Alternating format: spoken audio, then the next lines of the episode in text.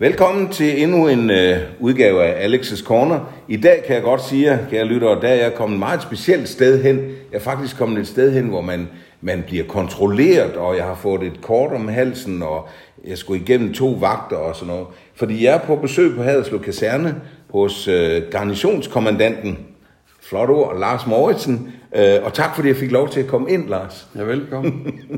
Der er god sikkerhed på. Ja. Jeg blev dog ikke kropsvisiteret.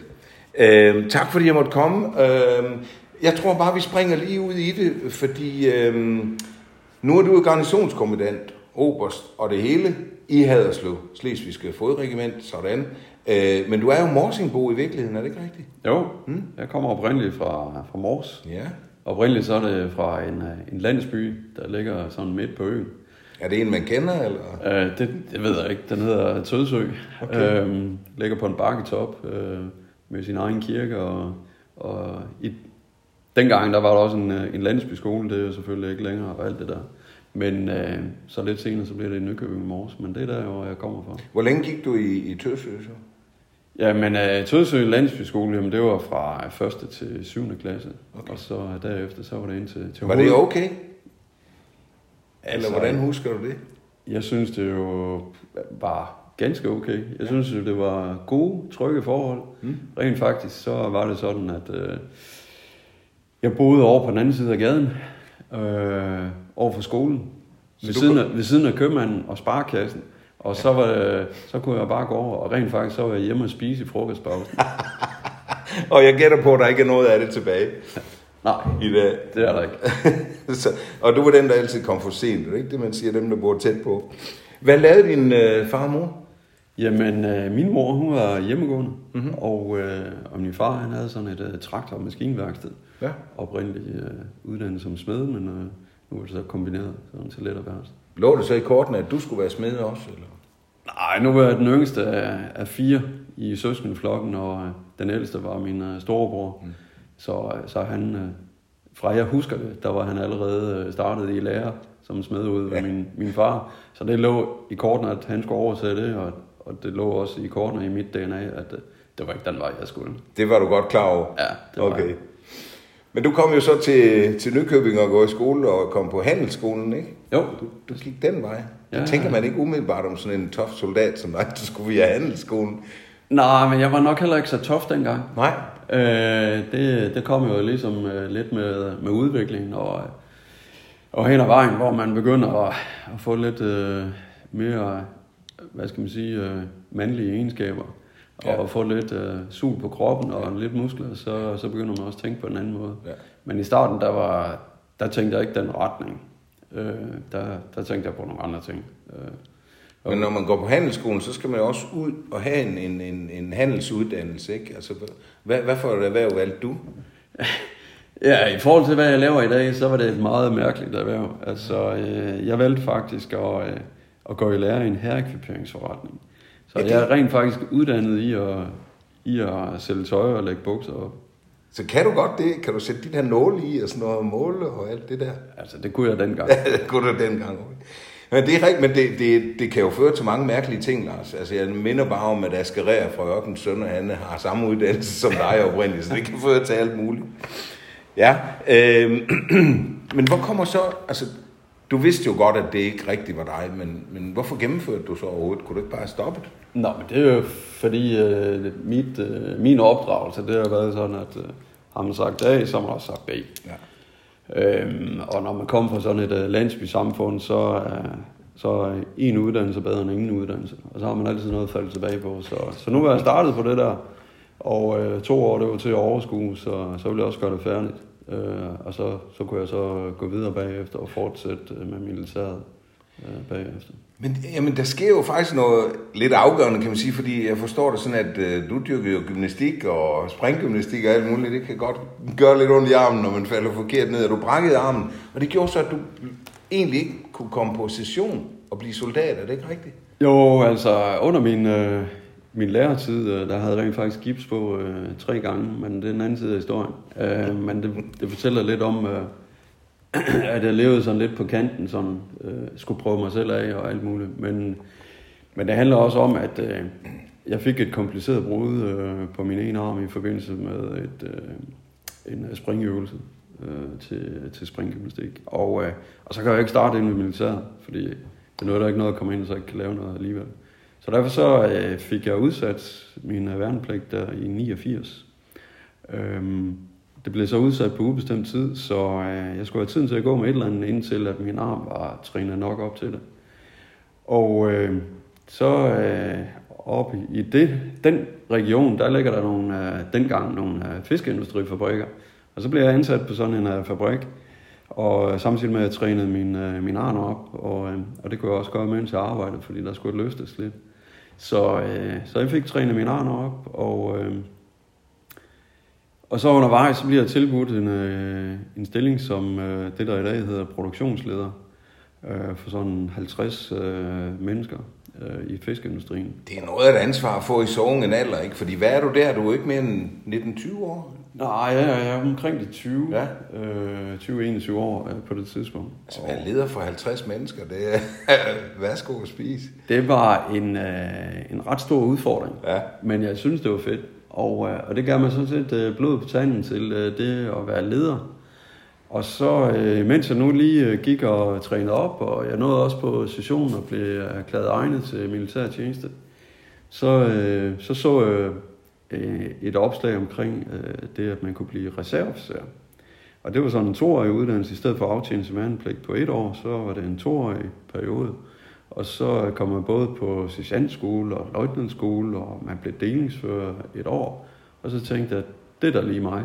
Ja. Øh, kan du ikke lige prøve at forklare os, øh, og lytterne især, det, hvad ligger der egentlig i det begreb, der reserve, altså øh, uddannelse af reserven, hvad, hvad, hvad er det egentlig tænkt som? Altså på daværende tidspunkt, der var det jo sådan, at det var tænkt som mobiliseringsforsvaret. Så øh, man blev uddannet øh, øh, som officer, ja. øh, delingsfører, og øh, når man så havde gennemført sin, øh, sin delingsførerperiode, så var man sådan set udlært som øh, reserveofficer. Så man kunne kaldes ind i tilfælde ja. af krig? Ja, så, okay.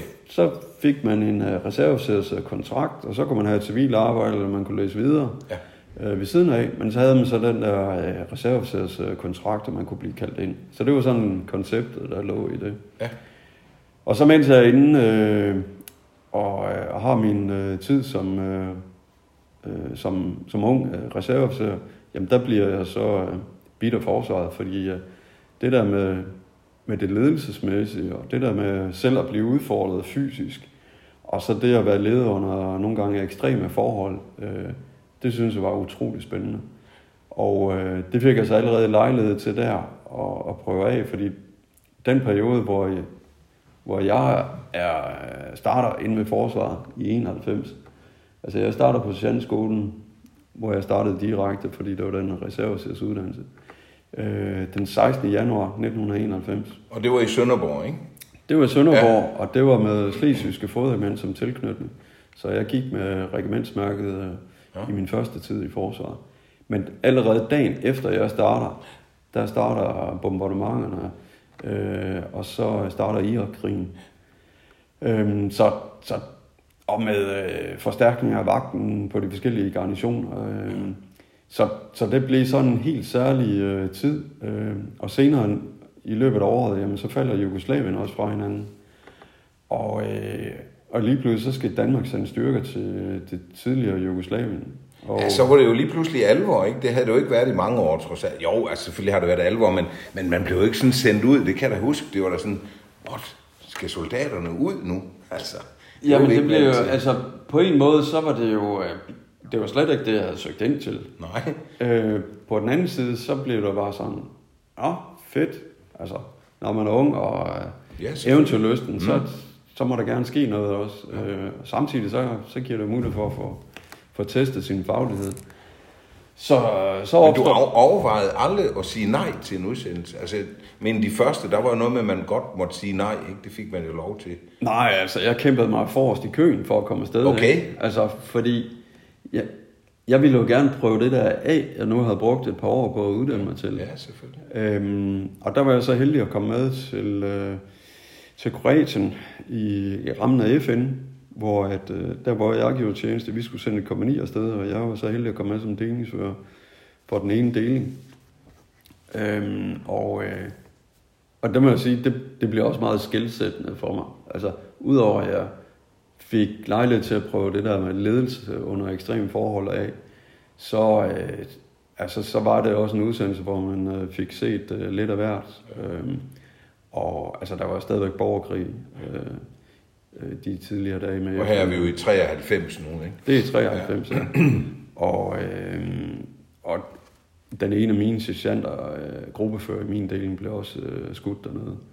Øh, og, og, og øh, blev lam for brystet nede og sad kørestol i dag. Så, så det blev en skældsættende periode for mig, som, som ung mand på mange måder. Ja. Men det bekræftede mig sådan set i, at øh, okay, det var det her, jeg ville. Det var du ikke i tvivl om? Nej. Så, Heller ikke, da du så de der grusomheder, som... Nej, det var jeg ikke i tvivl om. Altså, øh, det med at øh,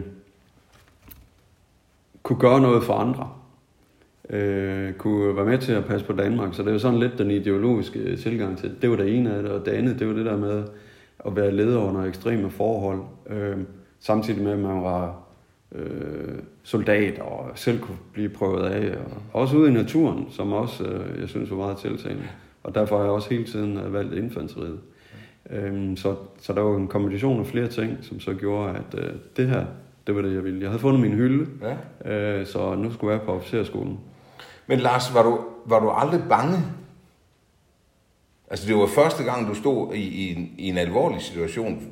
Før trænede man jo bare. Nu var det sgu alvor, ikke? Var du ikke bange undervejs? Øh, jo, altså det tror jeg alle oplever øh, under deres udsendelser, at øh, man kan godt blive bange. Ja. Øh, og så, øh, så kører adrenalinen i kroppen, ja. og så, øh, ja, så, øh, så kommer man videre. På det tidspunkt, nu er jeg altså tilbage i 93, ikke, øh, var det så sådan noget, man, når I kom hjem, at I fik noget hjælp for eksempel til at bearbejde oplevelserne, eller skulle man bare sige, nu skal du bare tage dig sammen og komme videre? Øh, altså, det var en anden tid, vil jeg sige. Øh, og forsvaret er noget rigtig lang siden der. Det er mit indtryk, ja. Vi er blevet meget bedre til at håndtere det der, men jeg kan sige, at dengang, der var vi ikke så gode til at håndtere det. Og der er også rigtig mange veteraner fra dengang, der, der lever med øh, både øh, fysiske, men i særdeleshed øh, psykiske øh, udfordringer. Ja. Og øh, jeg tror, den deling, som jeg jo delingsfører for i 93, 30-40 procent af den deling øh, har, har større udfordringer i dag. Øh. Ja. Det er godt, I er blevet bedre til det. Jeg har faktisk lavet en udsendelse med en, øh, som har fået sådan en hund også, og det var derfor, jeg tænkte, det kunne være interessant at snakke med. Jeg var dybt rystet over, hvor, hvor hårdt man kan være ramt. Det, det ved man ikke som menigmand, Nej. før man oplever det tæt på med sådan et menneske der, hvor, hvor svært det kan være. Og der er jeg glad for, at, at forsvaret er kommet længere, det må jeg sige. For i dag er det jo en helt anden sag end, end ja. dengang. Absolut, absolut. Så. Heldigvis. Men, øh, men du var helt sikker på, at du var landet på den rigtige hylde, og, og, og, og, og du kommer så jo mange forskellige steder hen i din karriere, må man sige. Blandt andet jo Skive på et tidspunkt, hvor man slår øh, tre, øh, hvad kalder man det? Det var, det var tre af kamptropsregimenter, ligesom man oplevede her i, i Haderslev i, uh, i 91, hvor man slog, slog uh, Fynske Livregiment og Kongens Jyske Fodregiment og Slesvigske Fodregiment sammen her i Haderslev, så oplever jeg jo så det samme øh, i 2001 oppe i Skive, hvor at jeg jo kom fra Prinsens Livregiment i Viborg, øh, som så blev slået sammen eller det var nok de to andre regimenter, der følte, at de blev slået sammen ja. med prinsens ja. i Skive. øh, herunder Slesvigske Fodregiment, øh, og så Dronningens Livregiment. De blev slået sammen til prinsens Livregiment i Skive. Ja, når det kom til at hedde prinsens ja. i Skive, for det var ellers dronningens, der lå der jo, ikke? Nej, dronningens lå i Aalborg. Nå, det lå i Aalborg, okay. På daværende tidspunkt ja. i Skive, der lå artilleriet. De, oh. Men dengang røg de så til Varde, og så senere kom ingeniørerne. Åh oh, gud, ja. Men du kom jo fra Viborg, og hvorfor ja. valgte du, og, for du kunne jo selv vælge faktisk, hvor du ville være på det tidspunkt i din karriere. Hvorfor blev det lige uh, Viborg? Jamen, øh, i første omgang, da jeg var i gang med reserveofficersuddannelsen, der valgte jeg Viborg, fordi det var et lille øh, kamptropsregiment, og jeg ville gerne til kamptropperne, øh, håndvåben, infanteriet. Øhm, så derfor ville jeg, ville jeg gerne til kamptropsregimentet. Så valgte jeg så Viborg, fordi at det var samtidig sådan en, en, et lille regiment, øh, der lå på øh, det, jeg selv dengang synes var en, øh, en fed og hyggelig kaserne midt i byen, Ja øhm, hvor der var et, en, øh, en god korpsånd i øh, både ved hele regimentet, men også i officerskorpset.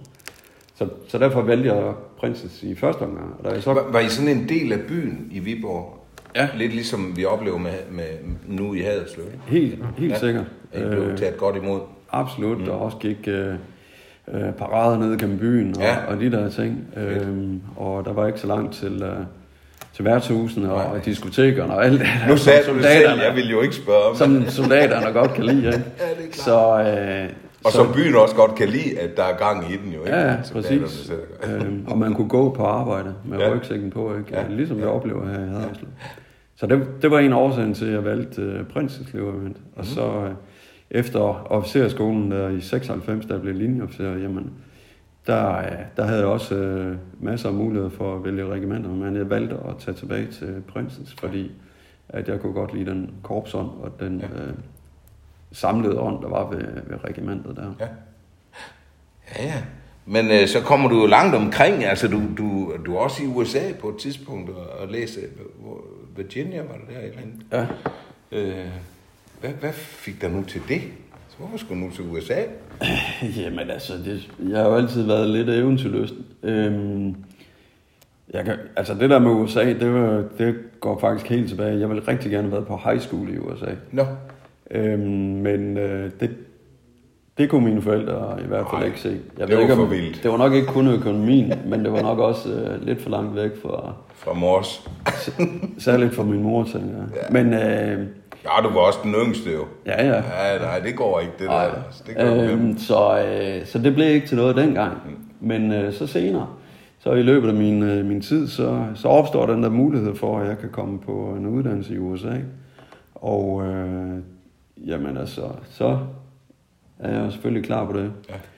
Øhm, Hvor det var... var det så to år, ikke? Eller Ej, et år? Nej, det, øh, jeg har været der over to gange. Nå. Øh, første gang, det var på sådan et øh, tre måneders skoleophold. Nå, Noget, der Joint and Combined Warfighting School. Øhm, som ligger, mens jeg, eller jeg er blevet major på daværende tidspunkt. Øh, så det er efter, jeg har været igennem alle de uddannelser, jeg kan tage i Danmark inden for militæret. ja. Så opstår der en der mulighed, så, så kommer jeg på skole i USA. Det er så i Virginia, på en af de der utallige baser, som der nu er i, i Virginia, i en by, der hedder Norfolk. Og øh, så vil skæbnen så, at øh, jeg senere får muligheden for at komme tilbage til Virginia. Og det er så i, øh, i NATO's hovedkvarter i, i Virginia. Det er så som oberstløjtnant. Øhm, og rent faktisk, så ligger det på den samme base. Det, det er altså ret vildt. Og endnu vildere, det, det er nabobygninger. Ja. Uh, så, uh, så da jeg første gang, der boede jeg på basen, uh, da jeg læste over, og så anden gang, hvor jeg kommer over, der, der skal jeg selvfølgelig bo. Og så tænker jeg, jamen så, så skal jeg bo uh, i et lidt mere uh, spændende område, mere attraktivt, kunne man også vælge at sige. Ja. Så der kommer jeg til at bo i en by, der hedder Virginia Beach. Uh, det, det lyder mere uh, eksotisk end Nå, det er. jeg skulle lige sige, det lyder da eksotisk i hvert fald. Ja, ej, det, det er dele af det, der er det. Men uh, lige i de områder, hvor jeg boede, der var det måske knap så eksotisk. Men det var okay at være der. Ej, det, det kan man ikke klage over. Nej. Jeg ved også, nu, nu er du glad for biler, så det er også en fed bil, du kunne få. Altså, det er jo det fede ved at være i USA, ikke? Der var ikke så meget miljøbevidsthed over den bil, Nej. der var derovre i hvert fald. Det kunne jeg forestille mig. Ja. ja.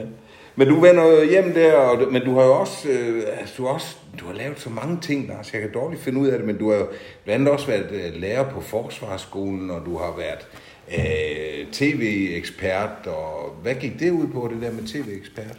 Jamen, det var, mens jeg var på Forsvarsakademiet, og var, øh, jeg var lærer i Institut for Militære Operationer, og underviste i militære operationer. Øh, der var der også øh, sådan, at dem, der var gjort tjeneste på Forsvarsakademiet, de blev tilbudt at være en del af det, der hed øh, øh Forsvarets mediegruppe. Og det er sådan en, øh, en håndfuld af eksperter, der stiller sig til rådighed, når, når pressen og medierne øh, tv ringer, og de har brug for en ekspert, der sidder i studiet og, og kommenterer forskellige ting. Og, øh, og det synes jeg lød spændende. Øh, så, øh, så det kaster jeg mig også ud i. Øh, der er selvfølgelig, øh, altså, der, der, er, der er også en, en mulig bagside ved at kaste ud i sådan en, en del, det er jo, at øh, man kan komme til at sige noget forkert. Ja, det kan man vel. Og så, så er det altså på, på tv.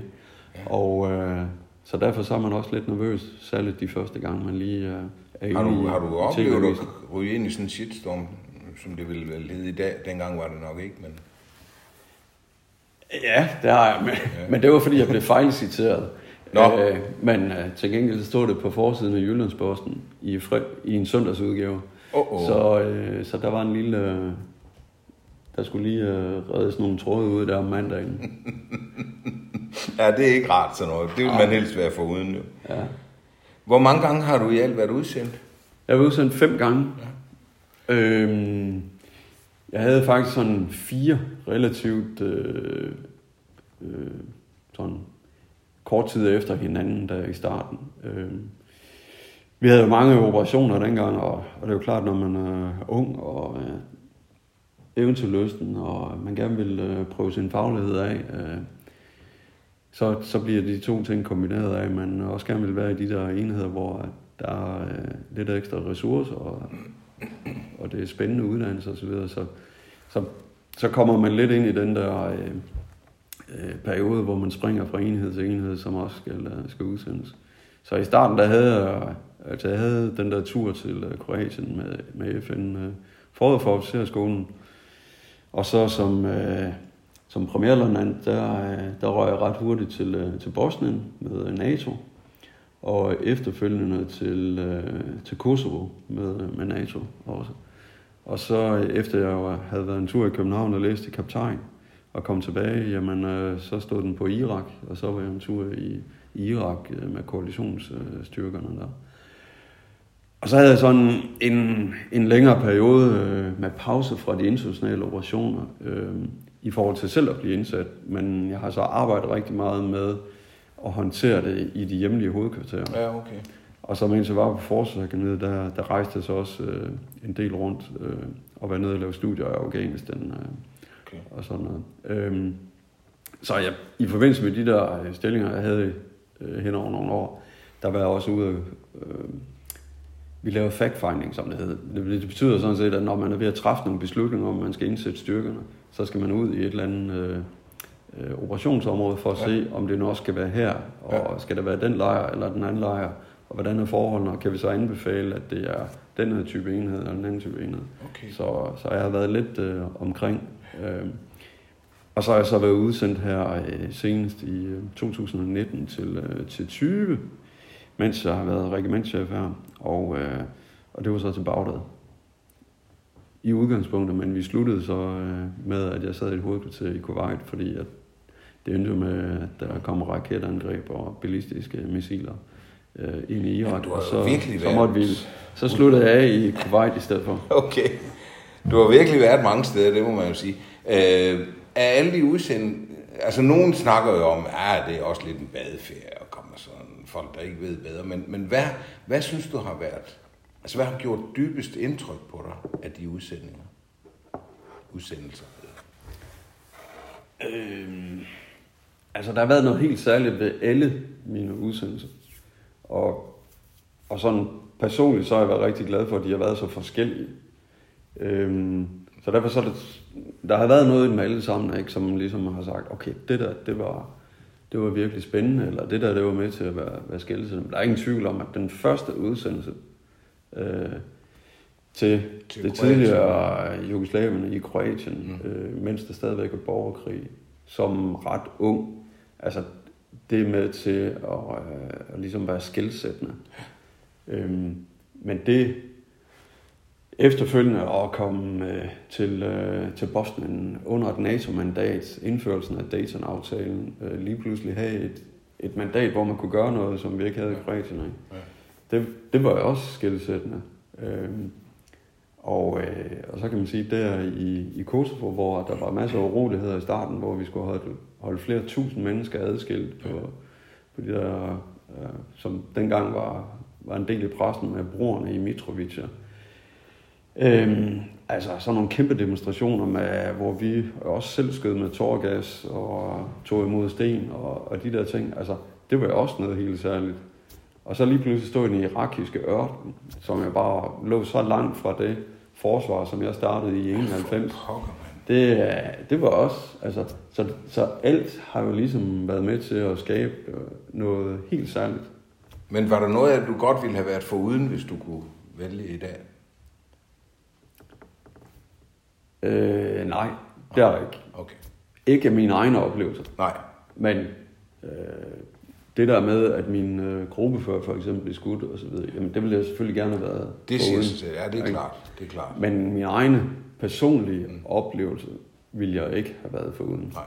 Det er ikke sådan, du tænker, åh, bare jeg ikke havde gjort det. Nej. Nej. Okay. Øhm, nu kan jeg jo ikke lade være med at sige, med alle de steder, du har været, alle de ting, du har gjort, det har, det, det har vel også nogle omkostninger, jeg tænker især på, på privatlivet.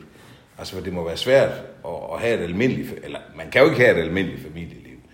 Øh, så det må jo være nogle udfordringer, der ligger i det. det. Du er nok ikke den eneste, der har de udfordringer der. Hvordan har det været? Øh, jamen altså, det er klart, at når man lever sådan et, øh, hvad skal man kalde det, kuffertliv, mm. nomadeliv, Ja. hvor man jo øh, gør tjenester forskellige steder, i, og også er udsendt meget, er meget væk hjemmefra, jamen så er det, så er det svært at få øh, job, familie, Ja. fritid til at hænge sammen. Ja. Altså, øh, Så man må jo sige, it goes with the job, ikke? Altså, det, det hører vel med, at Ja, det, det, var, det har det i hvert fald været i mit tilfælde. Ja. Ja. Der er også andre, som, øh, som selvfølgelig er, har, forstået bedre at få det til at hænge sammen, og, og nogen har haft en mere geografisk fast øh, tjeneste. Ja, Øhm, men der må men- være nogle store udfordringer i det der, når man Nå, er men så det er meget der- rundt. det er der helt klart. sikkert. Det er der helt sikkert. Det er der, det er der ikke noget at sige til. Øhm, Lars, jeg bliver nødt til at spørge dig, når du nu er Morsingbo, og bor nu i, i Haderslev, har gjort i, i 4-5 år, ikke? Øh, hvordan er det at komme og bo i Sønderjylland? Det er vi jo meget interesserede i at høre om i Sønderjylland. Jamen altså, øh, for mig, og det, og det virker mærkeligt, men det er nærmest næ, næsten ligesom at komme lidt hjem igen. Ja. Øh, fordi Ja. det, altså, humoren er lidt det samme. Øh, det, der er en dialekt. Øh, Dialekten er egentlig ikke væsentligt forskellig fra... jo, det er den jo alligevel. Ja. Men altså, der er mange ting, der som sådan går igen i dialekten. Og også da jeg kommer ned, altså... Det kan også ske, hvis der er nogen, der virkelig taler sønderjysk, så kan jeg selvfølgelig ikke forstå, hvad de siger. Men jeg husker der i starten, hvor jeg kom, hvor at, øh, jeg var med til, til sådan en, øh, en markering. Og skulle vi synge en sønderjysk øh, sang. Jeg kunne egentlig faktisk godt læse, hvad der stod. Ikke? Og det synes jeg faktisk var meget øh, Ja, det er da sigende, godt gået. At det at kunne læse dialekten, Ja. det, det kunne jeg godt. Fordi jeg nu øh, kommer fra Mors. Ja, Ikke? ja. Altså, så, så det var sådan øh, ret øh, interessant. Og så er der altså, den måde, som øh, humoren er på, øh,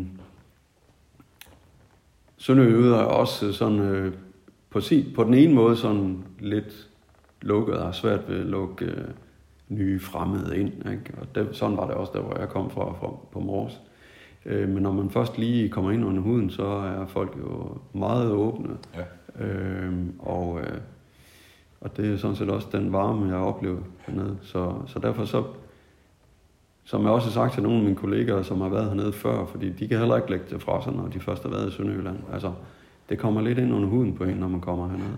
Men det kommer nu også meget an på ens egen attitude, mener jeg. Altså, du er også god til at sige, her er jeg, ikke? Altså, du er ikke den, der gemmer dig. Øh, Ej, det... Og det er positivt ment. Ja. Altså, Ja, ja. Det kunne godt lyde lidt negativt, men jeg mener det er positivt, at, at du, du byder også ind, og så tager man selvfølgelig godt imod, når man er sønderjyde, trods alt. Jamen, jeg er jo heller ikke øh, altså, bleg for at sparke døren ind, så at sige, og, og også øh, øh, prikke lidt til folk på den humoristiske Ja, måde. ja. Og det er sådan set ligegyldigt, om, øh, om det er borgmester eller domprovsten, øh, ja. eller hvem det er. Så, så jeg har det bedst, hvis der er et lille smil på læben også. Det har jeg jo oplevet, når vi sidder i styregruppen i Lysfesten, hvor vi også har borgmesteren med. Jeg synes altid, der, der kommer nogle muntre bemærkninger hen over bordet der. Så det er rigtig dejligt. Øhm, Men du, du var inde på i starten, at øh, der var lige nogle kanter der, da du var ung. Øh, hvad, hvad gik du og puslede med, da du var ung? Altså udover springgymnastikken, som du, hvor du brækkede en arm, hvad gik du ellers så puslede med? Øh, øh, jamen ligesom øh, alle mulige andre drenge, så troede jeg, at jeg skulle være professionel fodboldspiller. Det havde jeg overhovedet ikke talentet til, men, øh, men derudover, så, så havde jeg gang i alt muligt. Altså, øh, jeg gik meget op i, i biler. Jeg kunne ikke selv finde ud af at skrue i den, men øh, så havde jeg min storebror. Øh, og øh, han byggede også en go-kart til mig, og jeg havde kanaler og alt sådan noget. Så, så hvad skal man sige, det der med motorkøretøj og, og var vildt betaget af speedway. Så det er jo også fedt at komme her, når jeg endda været ude og, og se speedway. Ikke? Øh, Ja, ja. Så, så der er rigtig mange ting, som sådan kan, man Det lige kan, fint. kan få lidt déjà vu øh, Ja, ja. på. Men, øh, men noget af det, som, jeg- som jeg også brugte lidt tid på dengang, det var jo sådan set øh, musikken.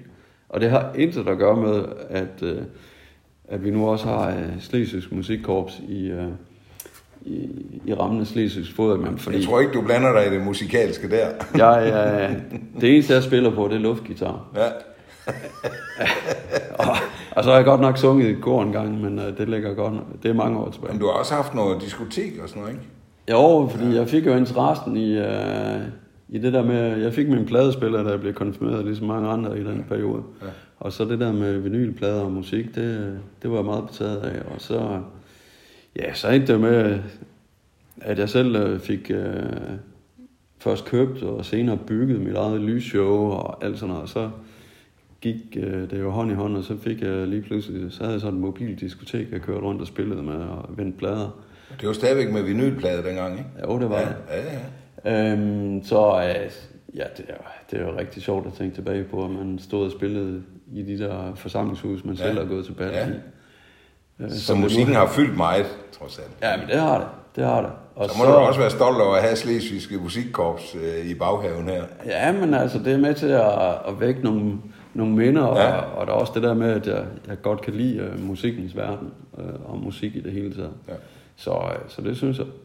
Men det er, der hvor jeg godt ved, hvor det vil hen, det er jo fordi, at uh, jeg er ude over det der, så, uh, så er jeg tilbage i, i de gamle dage der på Mors, der uh, i, uh, ja, det var 97, hvor at der lige pludselig også uh, var et opslag i den lokale avis om, at øh, der var nogen, der ville starte en lokal radio op. Og øh, jeg tænkte, at det kunne da være skide sjovt Ja. at være med til. Mm. Og så mødte jeg op til den der øh, dag, hvor øh, der sad jo rigtig mange, øh, som gerne ville være med, og nogle entusiaster, og flere, der havde været discjockeys og alt det der. Så, øh, jamen, så endte det jo med, at jeg var med til de første par år at, at være med til at starte Radio Limfjord op, og endte med at sidde som studievært og musiktekniker og, og styrede mixerpulten og, og alt det der. Og det blev jo, Radio Limfjorden blev jo en pæn stor station. Ja, og Altså af, af lokalradioen. Der var også Radio Viborg, kan jeg huske, som Ja. markerede så meget. Men Radio Limfjorden kan jeg godt huske. Øh... ja, og den, den findes jo stadigvæk. Nå, gør den det? Ja. ja, det kan du bare sige. Så der har du virkelig lavet et stykke pionerarbejde der. Det er nu ikke, fordi jeg skal tage æren for... Nå, det vil du dog der, ikke. Men jeg, jeg kan i hvert fald sige, at jeg var med. Ja, det er det. Jeg var der. Ja. Øh, til sidst, Lars, så kunne jeg godt tænke mig lige at spørge dig til, øh, der er jo sket meget inden for forsvaret. Øh, det skal guderne vide, når jeg tænker tilbage, der galt det bare om at slippe for det der. Der var det jo meget med kæfttrit og retning og autoritær ledelse og sådan noget. Men lederuddannelsen, det ved jeg jo, det er jo, det er der jo mange mennesker i dag, altså unge mennesker, der ser som en, en attraktiv mulighed ud i ledelse. Øhm, hvad for noget ledelse? Det er jo ikke kæft, trit og retning. Det er jo ikke det, du står for i hvert fald, vel? Nej, og det, det har jeg, det har jeg nok aldrig stået for. Altså, det gjorde jeg heller ikke dengang. Altså, selvfølgelig var der kæft i retning, og så jeg har altid gået ind for disciplin. Altså, men det hører med til uh, det militære erhverv, fordi Ja. det er disciplinen, vi overlever på, på, på, uh, Ja, hvad mener du på med det? Altså, på, altså, når vi i sidste ende uh, står i kamp, så skal der være disciplin. Okay. Altså, så skal man jo uh, gøre de ting, som der bliver sagt, for ellers så, så er det ikke sikkert, at vi løser opgaven. Nej. Og det er jo den disciplin, som, som man bliver oplært i, når man er i militæret. Men det med ledelse, øh, det, der har jeg aldrig i min ledelsesstil brugt øh, kæftretteretning. Altså der har jeg altid brugt det at skabe motivation. Og det er ikke for mig, øh, altså det har ikke ændret sig for mig. Jeg, jeg bruger den samme type ledelsesstil i dag, som jeg gjorde, da jeg startede i forsvaret. Men og, hvordan som, kan du og som jeg gjorde det? i fiskeindustrien øh, før det, øh, som ja. produktionsleder. Men hvordan pokker kan du kombinere en altså, øh, motiverende ledelse men det, du siger, disciplinen er nødvendig? Altså, når du står ude i, i felten, og det gælder, øh, der kan I jo ikke stå og diskutere, der kan du ikke motivere folk. Ved de så godt, at... Nej, men man kan sige, at øh, nu bruger vi jo nogle andre ord i dag, end vi brugte om det dengang. Men i dag, der bruger vi jo sådan et ord som, øh, som ordentlighed. Øh, vi bruger ord som, som tillid, øh, loyalitet, og, og det er jo sådan nogle begreber, som jeg altid øh, har dyrket, stået for, forsøgt at leve op til, men det er også den måde, jeg udøver min ledelse på. Det gjorde jeg dengang, og det gør jeg også i dag. Er det måske virkelig også noget, der har ligget i dig helt fra din egen opvækst i virkeligheden? Det ligger i dit DNA. For det er jo sådan ordentlighed og redelighed og sådan noget. Det, det hænger da fint sammen med. Ja, men det, det, det har ligget i mit DNA. Der har man ikke, ikke sagt, at det nødvendigvis lige var, var lige ordentligt hele tiden, da jeg var et ung menneske Nej, nej, men i du, landsbyen. Men øh, men du vidste sikkert godt, hvor grænsen gik. ja, ja, det, det gjorde jeg udmærket godt. Ja. Ellers så fik man det at vide. Ja. Øhm, så, så, men, men det der med måden at lede på, altså det der med at lede andre mennesker, øh, med respekt for hinanden, om en fælles øh, opgaveløsning, mm. fælles mål, og, og så inden for forsvaret, der er det jo så under ekstreme forhold nogle gange. Altså, der skal man have tillid til hinanden. Øh, og derfor så dur kæft rit og retning, ikke? Men det er vigtigt, at der stadigvæk er disciplin. Ja. Jamen, jeg jeg kan sagtens følge dig i, skældelinjen der, men det, det er ret interessant, øh, at det kan lade sig gøre. Altså, at man har motiveret undervejs, men når vi står derude, så ved man godt, der er en, der har øh, det, det sidste ord her. Der er. Ja. ikke tid til at diskutere. Ja. Og det er også, altså det er sådan en form for, for mantra for mig, og det brugte jeg også i mine tidligere år i, i forsvaret. Altså, altså, når jeg har været delingsfører, og det var jeg heldigvis i, i mange perioder, både som reserveofficer og som linjeofficer, at øh, jeg har sagt til, til min deling, altså, vi er ligeværdige alle sammen som mennesker. Men når vi har uniform på, så er der nogen, der bestemmer mere end andre. Og når vi har øh, vores disciplin, og vi har vores opgaver i at løse de opgaver, der er, når, når vi står i den, i den skarpe opgave, så er der mig, der bestemmer, hvad vi skal. Men vi træner til det, og undervejs, der kan vi godt være, være ligeværdige og respektfulde og, som mennesker. Og derfor så, øh, så interesserer jeg, og jeg mig også for mine medarbejderes øh, dagligdags problemer ja, ja. Øh, og andre ting, fordi jeg har da også dagligdags problemer. Men det giver jo nogle ekstra udfordringer, vil jeg sige, for det er, let, det er meget lettere med kæftrit retning. Altså det, du giver dig selv nogle ekstra udfordringer på den måde. Altså med at, det at, at forstå, at jamen, her kan vi godt være lige, men øh, når vi er ude, så, så er det noget andet. Jo, men, men det handler jo også om, øh, altså, jeg tror jo på det der med, at øh, hvis vi har en, øh, lad os kalde det en arbejdsplads, altså en arbejdsplads, det skal være et sted, hvor man er glad for at være. Og hvis man er glad, når man kommer på arbejdspladsen, så skal man også være glad, når man går fra arbejdspladsen. Ja. Og hvis man, man har det sådan, så bliver man der længere tid. Og, øh, og jeg vil jo gerne have, at mine medarbejdere bliver hos mig, lige så vel som jeg hele tiden gerne vil have, at øh, mine soldater bliver i mine enheder, og mine øh, befalingsmænd og andre officerer, de bliver i de enheder, som jeg beskæftiger med. Og derfor så tror jeg på, at øh, hvis man får skabt det der øh, gode arbejdsmiljø, lad os kalde det det, jamen øh, så vil folk også gerne blive der lidt længere, og de vil også gerne øh, være med til at løse den fælles opgave. Og, øh, og så er det, at vi kan løfte i flok, og så kan vi meget mere, end vi selv tror. Det er der ingen tvivl om, men det er jo interessant at høre dig sidde og fortælle det, fordi for mig det lyder ligesom, jamen det er jo en arbejdsplads, som du også selv siger, du bruger arbejdsplads, det er det jo også. Øh, og, og jeg kan kun sige, at jeg glæder mig over, at der er kommet den der moderne ledelse ind i billedet. Det er skønt. Sådan skal det være. Og jeg synes, det skal være de sidste ord, Lars, fordi tiden den er jo løbet. Øh, det går rigtig godt med det. Øh, så jeg vil bare, øh, jamen jeg skal lige spørge dig, Øh, har du nogen plan om, hvor længe du så sidder her, eller er der videre til noget andet, eller stopper det her, eller hvor? Jamen, det, øh, det kan jeg jo ikke svare på. Altså, jeg har det sådan, at øh, jeg lægger altid øh, planer for fremtiden, men jeg tager en dag ad gangen. Og det øh, hænger sammen med den måde, jeg har levet mit liv på, og de oplevelser, jeg har haft igennem livet. Det man kender ikke morgendagen, Nej. så man skal nyde det i nuet. Det virker som om, du er rigtig god til det der. Så jeg ved godt, det er lidt kedeligt svar. Det er ligesom fodboldtræner, vi tager en dag ad gangen. Men her synes jeg, det giver rigtig god mening. Og held og lykke fremover, Lars. Og tak fordi jeg måtte komme. Velkommen, og tak.